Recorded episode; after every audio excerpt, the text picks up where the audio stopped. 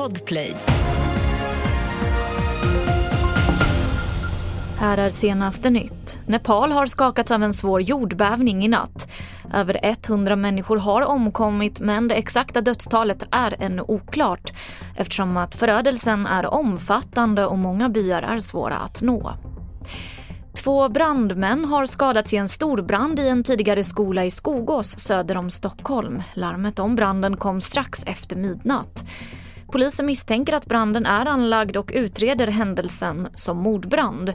Och räddningsledaren har beslutat att låta byggnaden brinna ner. Efter oljekatastrofen i Blekinge så vill flera socialdemokrater att Sverige tar initiativ för en ny internationell lagstiftning där ansvariga för liknande händelser ska kunna straffas hårdare. Men enligt miljöminister Romina Pourmokhtari så räcker lagstiftningen idag. Det är klart vi kan diskutera ekocid och andra eh, miljölagstiftningar men här har vi ju fullgod miljölagstiftning som tydligt påpekar rederiets ansvar i den här situationen. Med nyheter på tv4.se, jag heter Emily Olsson.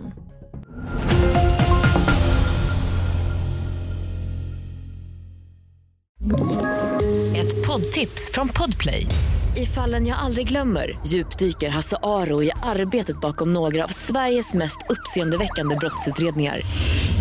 Går vi in med hemlig telefonavlyssning och, och då upplever vi att vi får en total förändring av hans beteende. Vad är det som händer nu? Vem är det som läcker?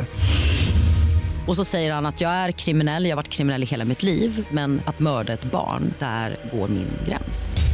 Nya säsongen av Fallen jag aldrig glömmer på Podplay.